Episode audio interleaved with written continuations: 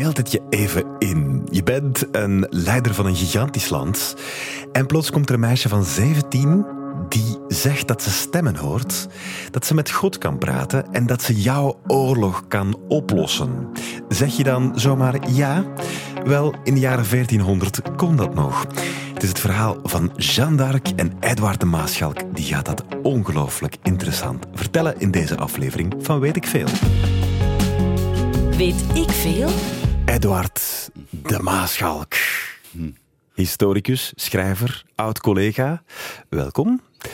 Um, je hebt ook een, een, boek geschreven, Moed en Tegenspoed, Edelvrouwen in de Bourgondische tijd, waarin ook uh, ja, een heel stuk over Jeanne d'Arc gaat. Ja, Jeanne d'Arc is een nationale heldin in Frankrijk. Um, misschien moeten we even de basis erbij halen. Welke periode zitten wij op dit moment? Ja, dat is de 15e eeuw. En om het simpel te houden, dat is de periode van de Bourgondische vorsten. Dus de, Philips de Goede is een tijdgenoot van Jeanne d'Arc. Mm -hmm. Die hebben elkaar trouwens ontmoet. Maar ze heeft geen woord willen zeggen. Echt waar? Omdat hij uh, heulde met de Engelsen tegen de Fransen. Hij was dus een vijand voor haar. Op dat moment 100-jarige oorlog. Ja. De Fransen tegen de Engelsen. De Engelsen die niet in Engeland meer zitten, maar die ook in het gebied wat we nu kennen als Frankrijk hele gebieden hebben ingenomen. Ja, inderdaad. En dat is zo'n beetje de reden waarom zij ook ten tonele verschijnt. Hè? Wel, juist op het, het juiste moment, het soort kantelmoment in de oorlog. Dus die oorlog heeft 100 jaar geduurd. Dat had te maken met de idee van de koning van Engeland, en die helemaal ten onrechte, dat hij recht had om Frankrijk ook koning te worden. En uh, ja, hij heeft dan ook geprobeerd dat land te veroveren. Maar dat is in een stroomversnelling terechtgekomen. Want de Bourgondiërs op zeker ogenblik, om redenen, hebben dus uh, bondgenootschap gesloten met de Engelsen, waardoor het nog dubbel zo snel ging. Hè. Ah, ja. En dus uh, in die periode, wanneer zij ten tonele verscheen, zaten, hadden dus de Engelsen en de Bourgondiërs samen heel Noord-Frankrijk veroverd tot aan de Loire. Poeh. En er is daar nog één stad die stand houdt, en dat is Orléans. En op het ogenblik dat die dreigt te vallen, verschijnt daar dus een jonge maagd hè, uit Lorraine. En uh, die, uh, die verjaagt die Engelsen. Ja, ja, dat is waarom we... En dat is het, het kantelmoment, omdat vanaf dat ogenblik de Engelsen geen overwinningen meer halen, maar alleen nog verliezen, tot ze uiteindelijk op het einde van die honderdjarige oorlog voorgoed verdreven worden, terug naar hun, uh, naar hun eiland. Ah ja. Ja. Dus dat is de reden waarom we ook de maagd van Orléans zeggen, omdat ja. ze daar voor het eerst omdat verschijnt. Ze, ja, in Orléans uh, heeft ze Orléans bevrijd, is haar eerste uh, exploot. En ze was ook een maagd. Dat was ja. natuurlijk niet onbelangrijk, want anders kan een jonge vrouw niet zich aankondigen als een soort uh, ja, heraut uit de hemel. Want dat was wat dat zij vertelde. Hè. Ja, zij hoorde stemmen. Zij hoorde stemmen van jongs af aan, ja. Hoe, oud is ze geworden? Want niet ze oud, is uh, 19 jaar geworden. 19 jaar? Dus, is, uh, dus haar strijd begon op 17 jaar. En ze vertelt zelf, want ze heeft één jaar gestreden en één jaar heeft ze gevangen gezeten. We hebben haar gevangen genomen. En in dat proces vertelt ze zelf dat op 13 jaar die stemmen begonnen zijn. Ah, ja. Ongeveer de tijd dat zij eigenlijk geen kind, maar maar vrouw werd. Was zij iemand van Goedenhuizen?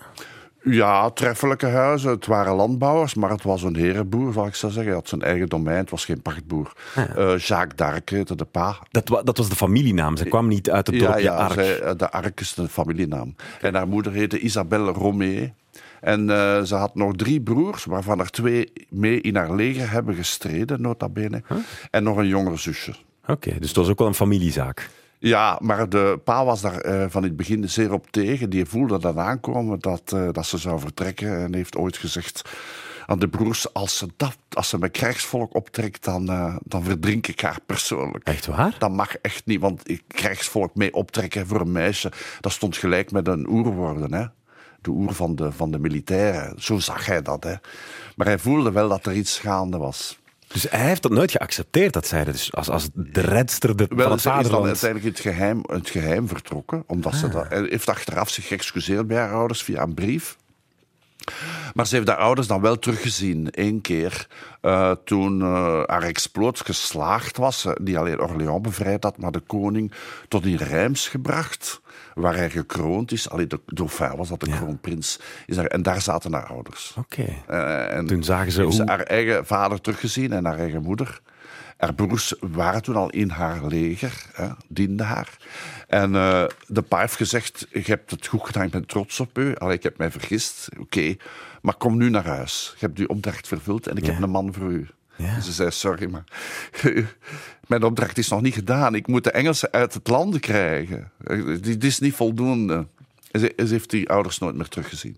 Joan of Arc, of Jeanne d'Arc, zoals we dat in het Frans mooi zeggen, die hoorde dus stemmen van God. Die zei daarnet, Edward Maaschalk, historicus, dat ze dat uh, vanaf haar dertiende al ongeveer hoorde. En die stemmen, daar hebben we hier exclusieve opnames van, waarschijnlijk nog met een nagra opgenomen. Dat klonk toen ongeveer zo.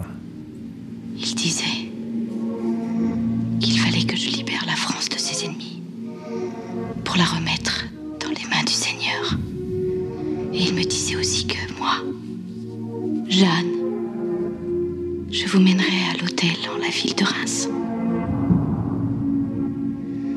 Vous serez sacré.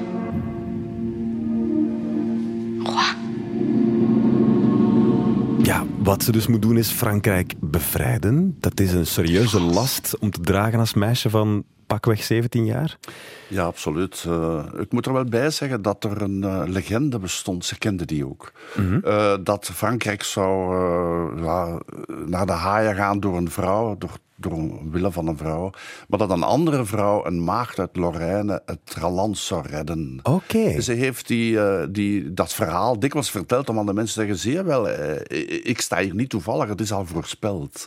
Dus dat was zo'n verhaaltje dat de ronde deed. Nu, de vrouw die Frankrijk naar de haaien hielp, dat was de koningin. Mm -hmm. De koningin, uh, dus de moeder van de kroonprins, maar die had de kroonprins buitenspel gezet om allerlei redenen. Om met de Engelsen in zee te gaan. Was dus een verraadster van haar land. En zij uh, ik denk dat elk meisje in Lorraine toen moet gedacht hebben, ben ik het misschien? Ik moet erbij zeggen, ze was niet de enige. Ah er ja, waren er waren er nog. Ja, waren er nog.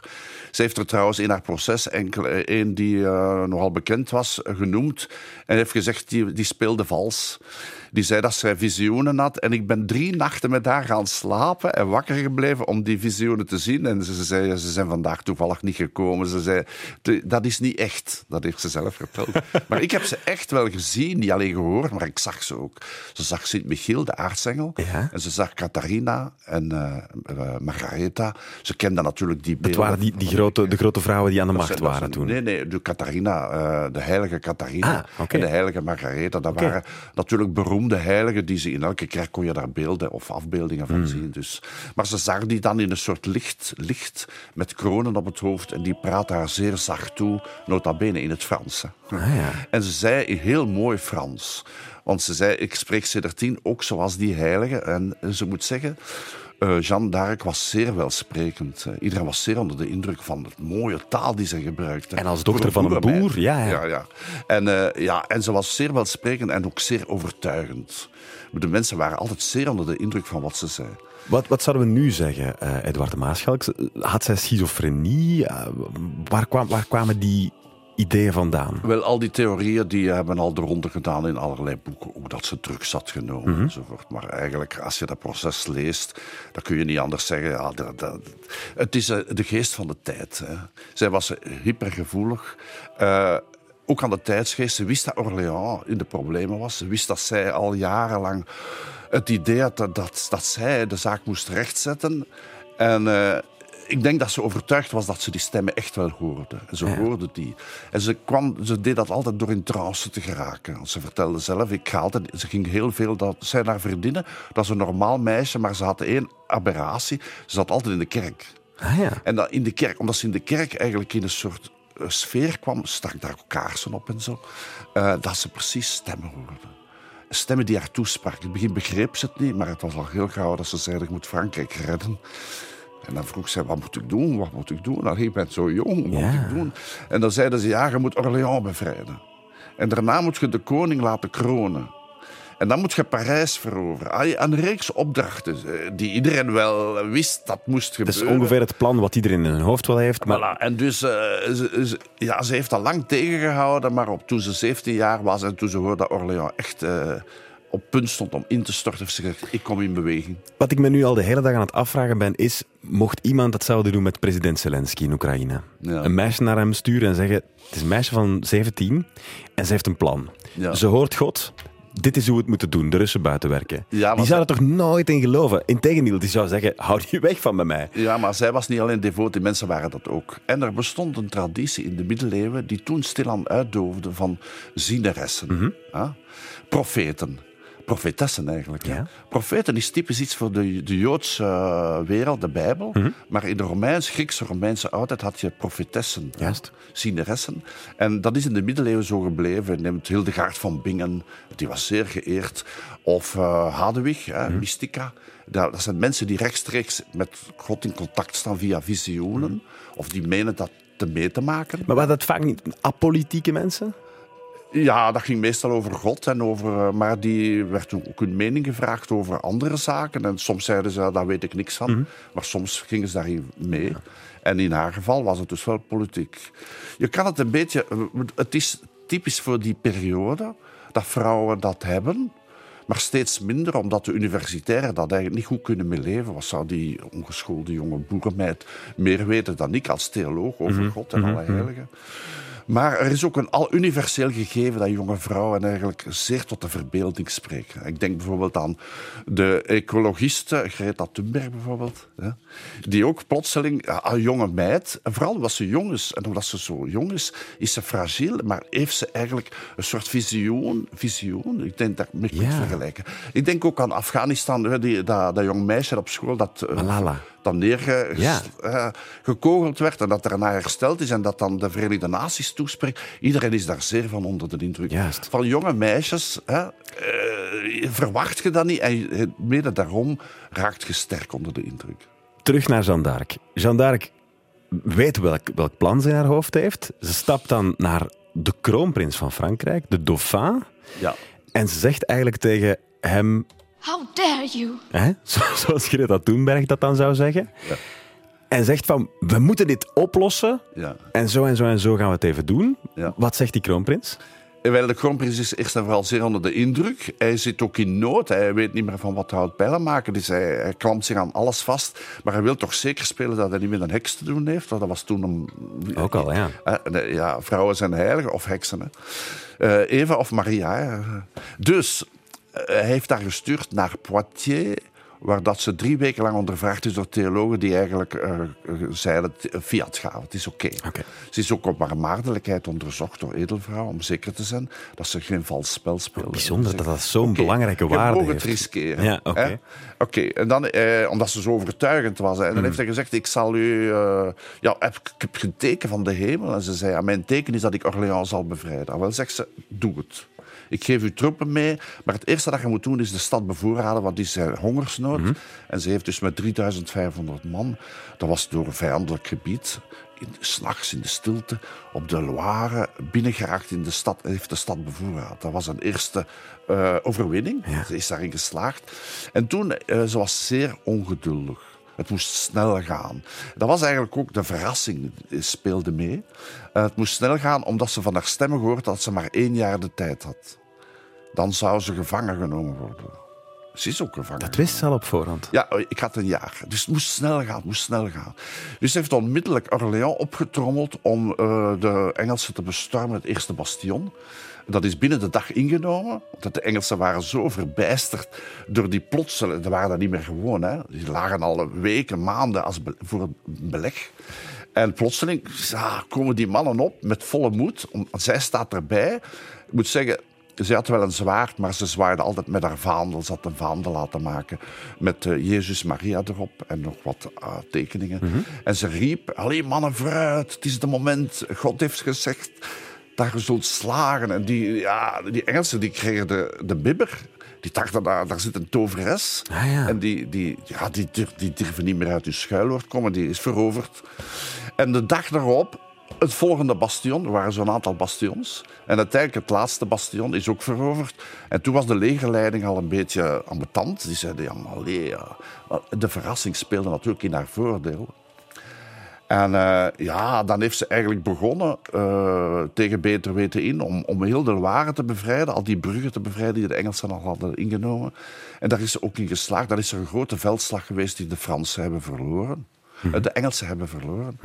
Eh, die hadden hun uh, typische longbow-schutters ingezet. Die dachten nog aan Azincourt. Dat was niet zoveel jaar daarvoor. Maar die zijn eigenlijk uh, verrast geweest in de flank. Die boogschutters zijn allemaal afgeslacht.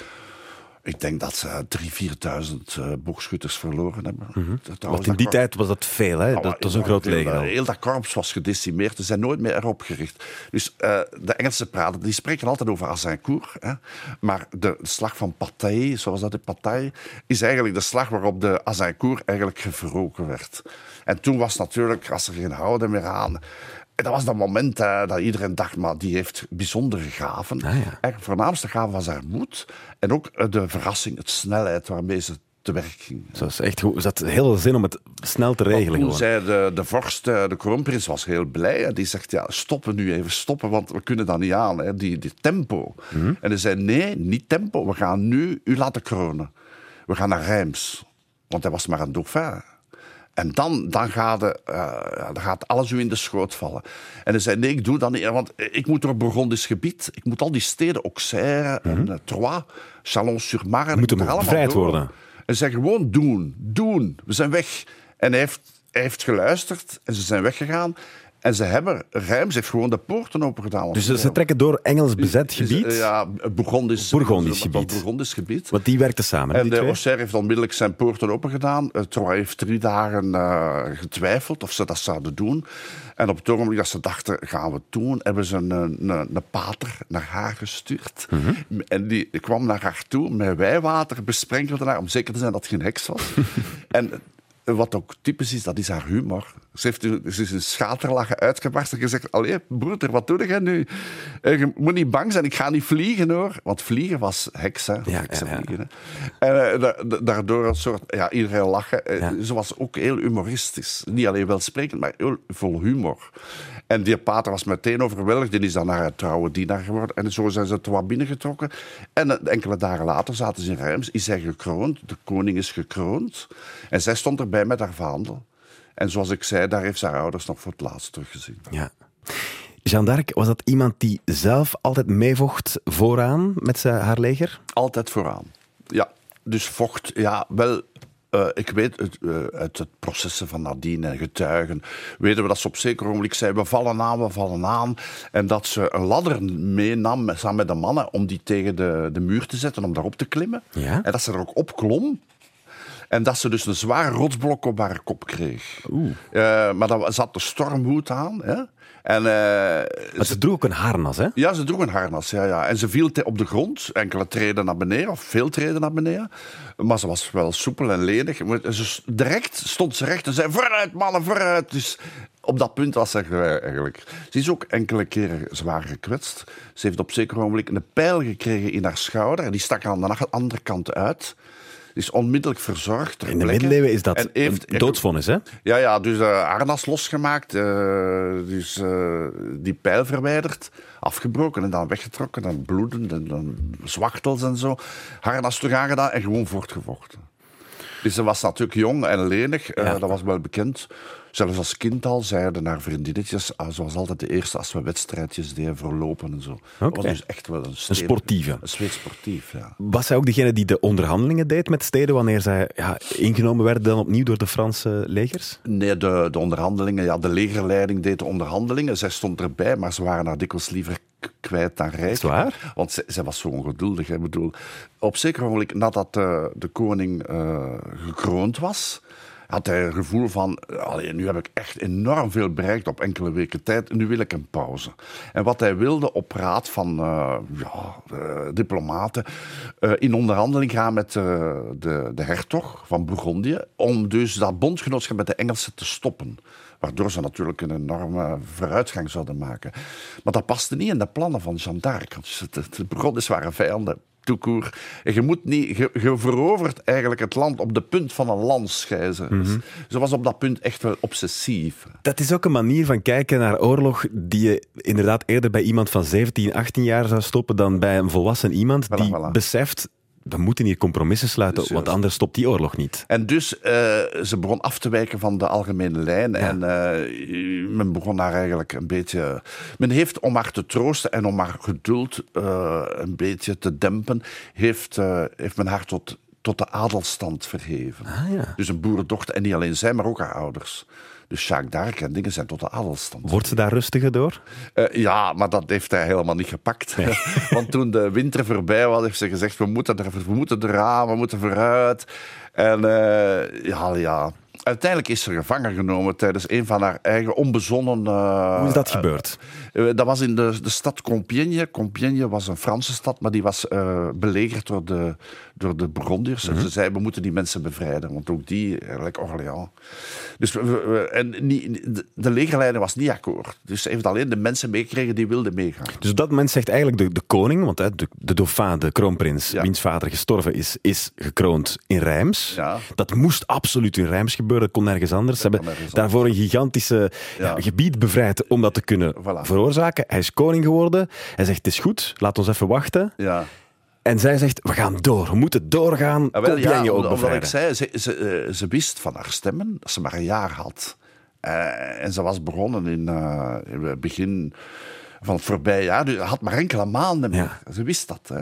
Maar, maar dus, dus ze gaat er naartoe en ze heeft gewoon een Ze, paar ze gekken mee. in elk geval Compiègne bevrijden van die, dat beleg. Oké, Waarom Compiègne? Was dat zo belangrijk? Ja, wel, eh, die mensen hadden het heel kwaad en die zouden veroverd worden. En de, de Engelsen begonnen ze gezegd, we gaan iedereen tot de laatste man afslachten. En ze Oh ja. ik moet die bevrijden. Ja, hè. op zich nobel Dus eh, hij heeft daar een legerkorps is met daar meegegaan. eh, maar eh, ja, de Burgonders bleken toch te sterk. Op zeker ogenblik hebben ze, is heel de bende eh, de ophaalbrug is omhoog gegaan en heel het leger is binnengesloten. Maar zij bleef niet alleen als eerste, maar ook als laatste.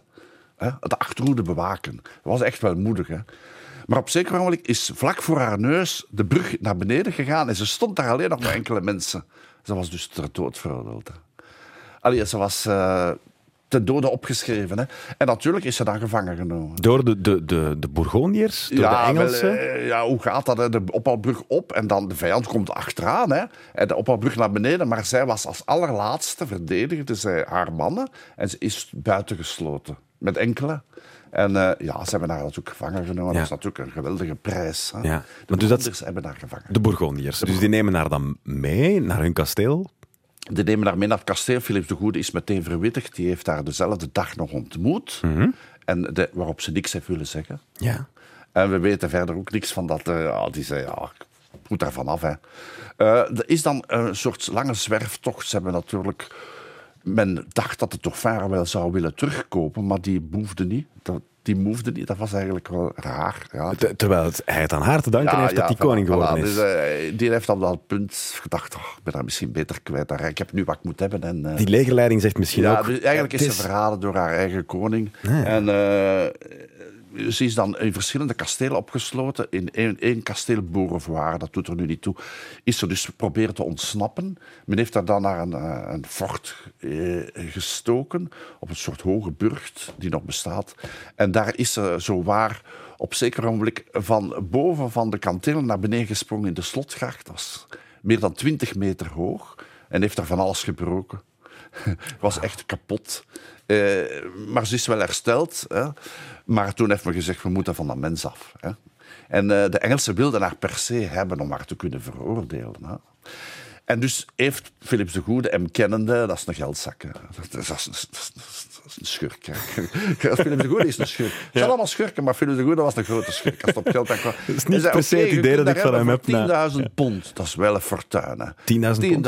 10.000 pond. Men heeft speciaal in Normandië, waar de Engelsen dus hun hoofdkwartier hadden in Rouen, heeft men moeten belastingen vragen om dat te kunnen betalen. Oké. Maar ze hebben het betaald en ze hebben haar gekregen. En dus was er gevangenschap in Rouen onder Engels, eh, ja, Engels bewind. Dat is natuurlijk voor die Engelsen... Ze hebben daar een dame die daar Ja, voilà. steden, stad na stad heeft bevrijd. Ja, ja, voilà. Stukken land van hen heeft afgepakt. en plots krijgen ze die vrouw op een dienblad. Ja, ja, ja. Dan ja, krijg je een proces Nu, natuurlijk. ze konden haar niet zomaar vermoorden. Ze moesten eigenlijk uh, ze hebben daar een kerkelijk proces aan gedaan, Mhm. omdat ze moest veroordeeld worden als ketterse en als heks. Was dat waar zij Als beschuldigd ze van dat werd? konden, dan was heel dat gedoe met die vi- visioenen, dan was dat eigenlijk onwaar. Dan was dat door de duivel ingeplaatst. Mhm. Juist. Het omgekeerde van wat de werkelijkheid was. Niet door God, maar door de duivel. Waarvan wordt zij beschuldigd dan? En Ja, van, ze was ketter. Hè. Het feit dat ze mannenkleren aandoet, is al niet kosher. Hè. Eh, het feit dat ze... maar Ik heb hier de akte van beschuldiging, dat is gewoon Ah, ja. ongelooflijk. Dat is een heel blad lang. Ze wordt als heks, waarzegster, valse profetes, aanroeper van boze geesten, bijgelovigen, beoefenaar van de magie, bevangen door kwade gedachten, scheurmaakster, heiligschenner, afgodenvereerster, kwaadspreekster, boosaardige lasteraar, enzovoort, enzovoort. Hè. En dan ook nog iemand die eh, het fatsoen en de eerbaarheid van haar seks aan haar laars slapt, onzedelijke en onbeschaamde draagster van mannenkleding. Dat was dus de akte van beschuldiging. Dat is niet niks. Hè. Nee, dat is niet. En- en je moet daar als jong meisje maar staan tegenover die mannen eh, en u verdedigen. Hoe doet ze dat? Ah, ze doet, dat, ze doet dat schitterend. We hebben natuurlijk, al die verhoren zijn opgetekend en eh, we kunnen dat lezen. Eh, ze is op dat punt subliem. Ze is niet bang. En af en toe eh, kijkt ze die mannen ook aan en zegt: Denk nu niet, omdat je mij hier aan het veroordelen bent. Hè. Ik zou bang zijn moest ik u in plaatsen, want velen van u zullen sterven voor ik sterf. En, en weet dat binnen, binnen zoveel jaar, binnen zeven jaar, zij zal Frankrijk bevrijd zijn. En ze deed dus profetieën. Juist. En dat namen die geestelijke, meestal universitairen, namen dan niet. Die zeiden, wie is zij dat ze dat kan? Die zeiden, ja... eh, Was dat uit een soort van ja, kritisch denken dat zij dat zeiden? Of was dat puur om haar onderuit te halen als jong meisje? Wel, ze waren natuurlijk allemaal politiek gestuurd. Ik moet zeggen, de, het hele proces is... eh, het zijn natuurlijk allemaal Fransen, universitairen van Parijs, maar Parijs was in handen van de Bourgondiërs. Hè. Die waren op de Bourgondische kant. En een van die kerels was eh, eerst eh, in de Universiteit van Leuven is in die periode gesticht, 1426. En eh, een van de eerste professoren was een theoloog uit Parijs, Natalis of Noël Midi. En die zat, er, die zat daar dus ook bij. Hè. En die heeft daar dus op haar proces de laatste dag voordat ze verbrand werd, heeft daar nog toegesproken. Als afvallige en ketterse. En ik dacht al, ja, we moeten wel beseffen dat ons land eigenlijk in het foute kamp zat. Ah, ja. in het kamp tegen. Van de Bourgondiërs. Nu, Schaam je je daar ik zelf heb daar over? eh, een keer nagekeken, die, maar die, die is nooit meer terug naar Leuven gekomen. Wat is daarmee gebeurd? En ik heb ontdekt dat hij melaatsheid heeft gekregen. Hmm. Die is als melaatse overleden. Ik dacht, dat is toch een straf van God. hè. Het zou, het zou zomaar kunnen, Ja. De Maaschalk. Misschien moeten we nu ja, richting het einde gaan. Jeanne d'Arc eh, wordt veroordeeld. Tot wat? Ja, als Kettersen, hè. Eh, wat is er straks allemaal? Een afvallige, Mhm. en, eh, een breukmaakster en, enzovoort.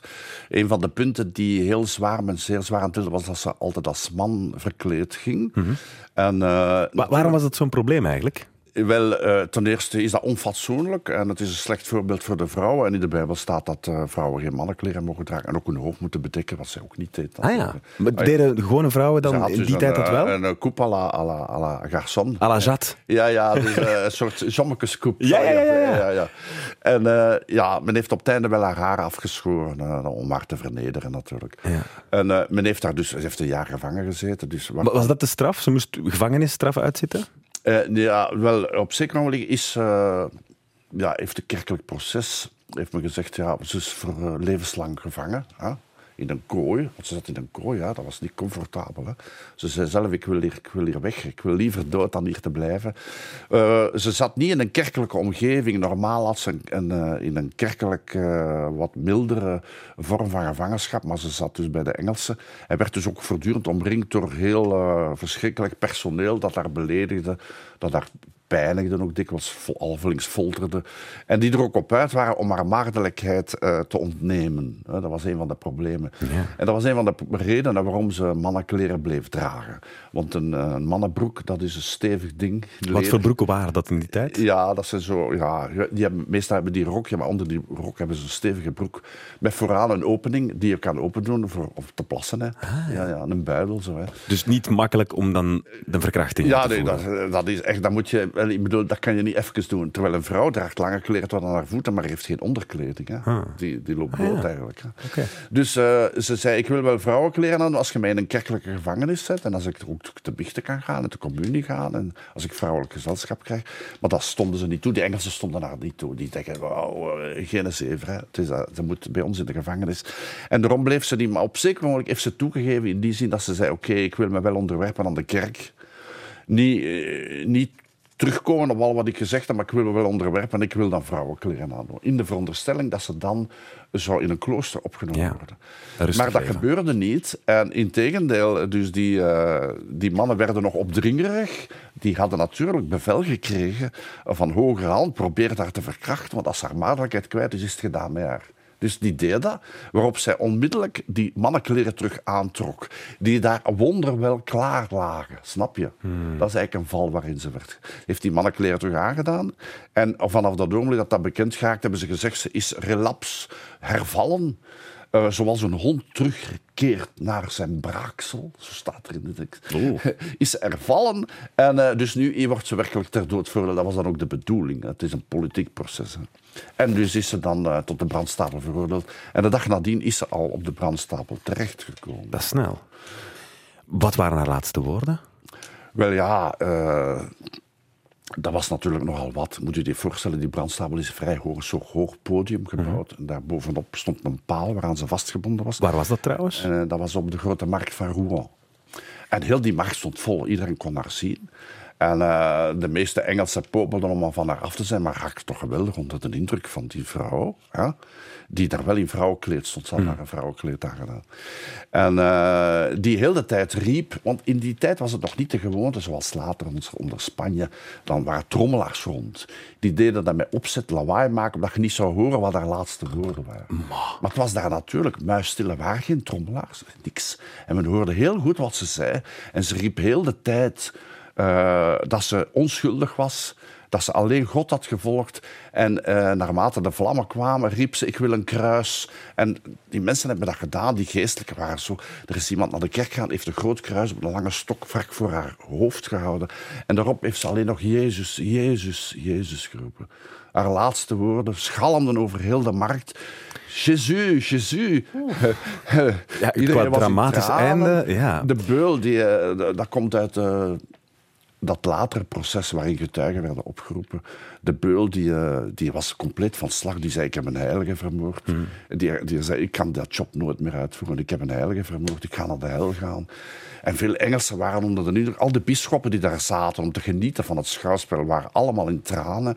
Men beseft op dat ogenblik, en ze wisten dat ook wel, want dat proces was zwaar vervalst. Ik bedoel, ze had eigenlijk, er was eigenlijk niks op te zeggen wat, haar, wat haar devotie betrof. Het was geen heksen. Ze was niet door de duivel, ze was werkelijk door God geroepen. Ja. En de, op dat ogenblik beseften ze dat. Zeggen, wij hebben een heilige vermoord. Heeft daar passage iets veranderd in die honderdjarige oorlog eigenlijk? Ja, alles eigenlijk. Hè. Ik bedoel, de Fransen hebben moed gevonden. En eh, ja, de Engelsen zijn voortdurend. Het heeft nog jaren geduurd. Maar al haar voorspellingen zijn helaas voor de Engelsen uitgekomen. Is waar? uiteindelijk de einde van de, de 1453 is de laatste Engelsman van het Frans grondgebied verjaagd. En in 1449 heeft men Rouen veroverd. En de dauphin, die toen de koning was, was dan toch wel schatplichtig aan Jeanne. Op het ogenblik dat hij eh, beslag kon leggen op dat proces, heeft hij dus eh, de suggestie gedaan om het proces te herzien. En om te weten te komen wat er eigenlijk in dat proces gebeurd was. Maar men had toen het proces in handen. En zo is de bal aan het rollen gegaan. En dan heeft niemand minder dan haar eigen moeder Isabelle Romee, die- en op vraag van haar zonen ook, heeft aan de paus een, eh, een, een nieuw proces gevraagd. De paus heeft gezegd, ja, we gaan dat doen. En dan is er een nieuw proces geweest dat een jaar geduurd heeft, met honderden getuigen. En dat is geëindigd met een proces van eerherstel. Dus dat heeft de moeder nog geweten. Dat haar dochter eigenlijk geen duivelskind was, maar een... een uh, ja, een De bevrijdster van, van Frankrijk. Ja, ja, ze was eigenlijk, je moet rekenen, Jezus, Jezus. En op, in feite was ze een soort Christus. Hè. Ja. Iedereen besefte dat heel goed. Hè. In feite, we zijn Christus aan het kruisigen. Hè. Ja. Op dat ogenblik dat ze dat besefte, dat ze eigenlijk helemaal zoals ze onder kruisdood. En eigenlijk was uh, Isabelle Romee de moeder van, van een heilige. Hè. Maar letterlijk ook, want het is uiteindelijk tot heilige uh, Het heeft lang uitgeroepen. geduurd. Uh, in 1920 is ze heilig verklaard. Dat is laat, hè? Dat is laat, ja. Maar ik moet zeggen, ja, in de tijd, uh, geleidelijk aan, is dat verhaal een beetje op de achtergrond geraakt. Men wist dat nog wel.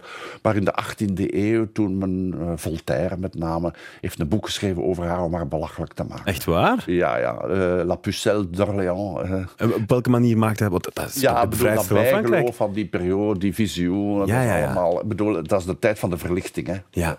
Okay. Dus al die mystieke dingen... Ja, ja belachelijk gemaakt. Okay. Maar men wist toen nog, eigenlijk, men had die proces nog nooit gelezen. Men wist alleen wat er vaak gebeurd was. De eerste die zich interesseerde voor Jeanne d'Arc en positief over sprak, was niemand minder dan Napoleon. Ja.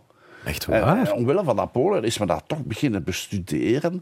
En uh, zijn er dan boeken uitgekomen in de 19e eeuw. En uh, tegen, vlak voor de Eerste Wereldoorlog had men al 20.000 beelden van Jeanne d'Arc in kerken staan. Dat was dus eigenlijk al echt wel een heilige avant la lettre. Het handige voor Napoleon is natuurlijk, zij was enerzijds een kerkelijk figuur Ja. en anderzijds ook wel een heel Frans figuur. Voilà, Iemand die Dat, eh, politiek ook... eh, heeft toevallig alles dat zelfs communisten kan bekoren. Namelijk, ze is veroordeeld door de kerk, verbrand door de kerk. ja, dat is waar. Hè?